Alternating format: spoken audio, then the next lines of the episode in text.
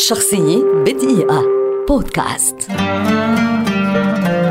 سمية الألفي. ممثلة مصرية شهيرة ولدت عام 1953 وتعد واحدة من أبرز نجمات التمثيل في مصر والعالم العربي في العصر الحديث.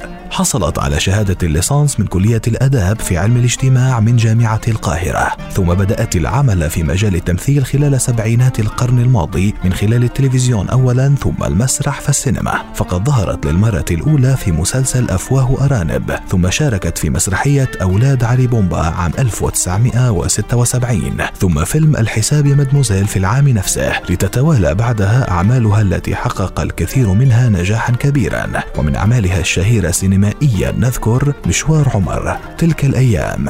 عندما يبكي الرجال أذكياء لكن أغبياء المجهول علي بمظهر والأربعين حرامي والطوفان. أما في التلفزيون فقد تألقت سمية الألفي بأدوار لا تنسى في مسلسلات كثيرة نذكر منها بوابة الحلواني ليالي الحلمية الراية البيضاء قطار منتصف الليل والعطار والسبع بنات. هذا بالإضافة إلى تقديمها بعض المسرحيات والسهرات التلفزيونية. تزوجت سمية الألفي للمرة الأولى من الفنان الكبير الراحل فاروق الفيشاوي ولها منه ولدان هما أحمد وهو ممثل وعمر إلا أنها انفصلت عنه بعد ذلك وتزوجت من الملحن مودي الإمام وبعده المخرج جمال عبد الحميد والمغني مدحت صالح لفترة قصيرة لكنها قالت بصراحة بعد عام على رحيل فاروق الفيشاوي ما رجعتش زي الأول بعد موت فاروق. شخصية بدقيقة.